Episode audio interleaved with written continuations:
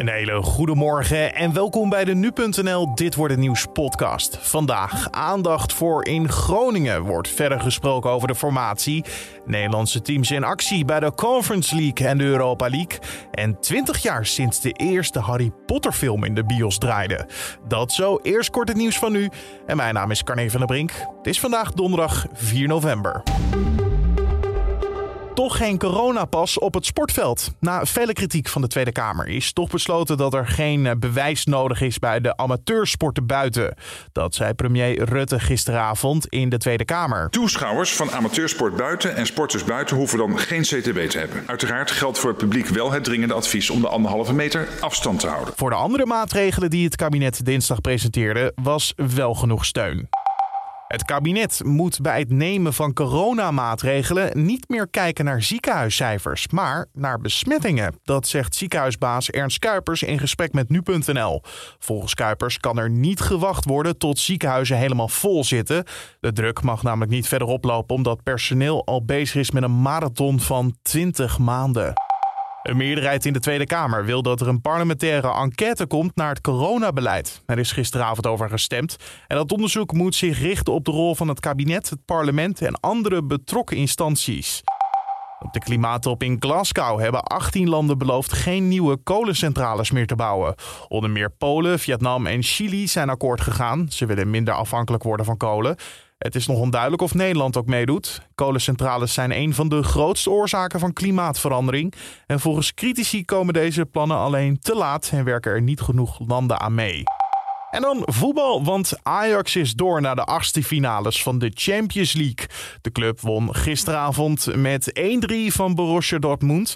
En de Duitse spelers speelden een groot deel van de wedstrijd met 10 man, maar ze kwamen wel op voorsprong. Ajax won uiteindelijk door drie goals in de laatste 20 minuten.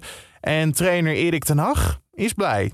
En Ajax is nu de eerste Nederlandse club ooit die de eerste vier wedstrijden wint in de Champions League. Dan over naar de dag van vandaag, oftewel dit wordt het nieuws. Weer aandacht voor de formatie. Die gaat vandaag verder in het provinciehuis van Groningen. Informateurs Johan Remkes en Wouter Koolmees overleggen daar met fractievoorzitters en de secondanten van VVD, D66, CDA en ChristenUnie. En ook zijn er gesprekken met gedupeerde lokale politici en deskundigen over de aardbevingsschade in Groningen. Alles start om half elf deze ochtend en een paar uur later, zo rond twee uur, wordt er een persmoment verwacht. En mogelijk komt er dan iets meer naar buiten over hoe het nu staat met de formatie.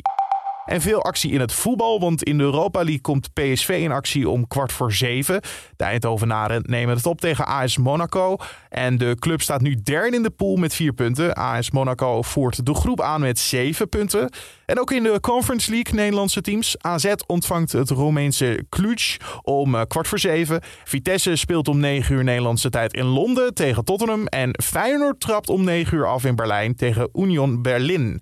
Veel ogen zullen gericht zijn op de wedstrijd eh, van Feyenoord vanwege het supportersgeweld bij de vorige wedstrijd. En gisteren werden er al twee personen aangehouden die de Berlijnse muur hadden beklad door daarop Feyenoord te spuiten met graffiti. En leuk nieuws ook, want het is vandaag 20 jaar geleden dat de eerste Harry Potter film draaide in de bioscopen. Harry Potter en de Stenen Wijze, zoals hij in het Nederlands heet, ging op 4 november 2001 in première. En de film was een succes en bracht uiteindelijk ruim 860 miljoen euro op. Ook de hele reeks was natuurlijk financieel interessant. Alle films in het Potter-universum bij elkaar hebben tot nu toe bijna 8 miljard euro opgebracht. En iets wat gelijk staat aan de totale opbrengst van de Potterreeks is dat we elke dag kunnen vragen wat het weer gaat worden.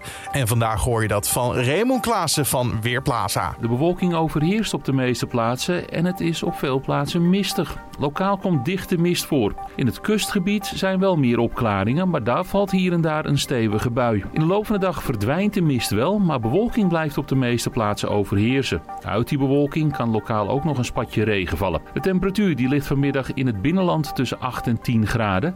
Aan zee kan het een graadje warmer worden. Verder staat er een zwakke wind uit westelijke richtingen. Dankjewel Raymond Klaassen van Weerplaza. En de tijd gaat weer hartstikke snel, want we zijn weer aan het einde gekomen van deze podcast voor de donderdag. Dankjewel voor het luisteren en je kan hem beter maken, deze podcast, door natuurlijk een recensie achter te laten bij Apple Podcast. Daarnaast kan je je ook gratis abonneren via die app, maar ook Spotify en Google Podcast. Ik noem er maar een paar. En dan eh, mis je geen aflevering. Mijn naam is Carne van der Brink. Maak er een mooie dag van en tot morgen.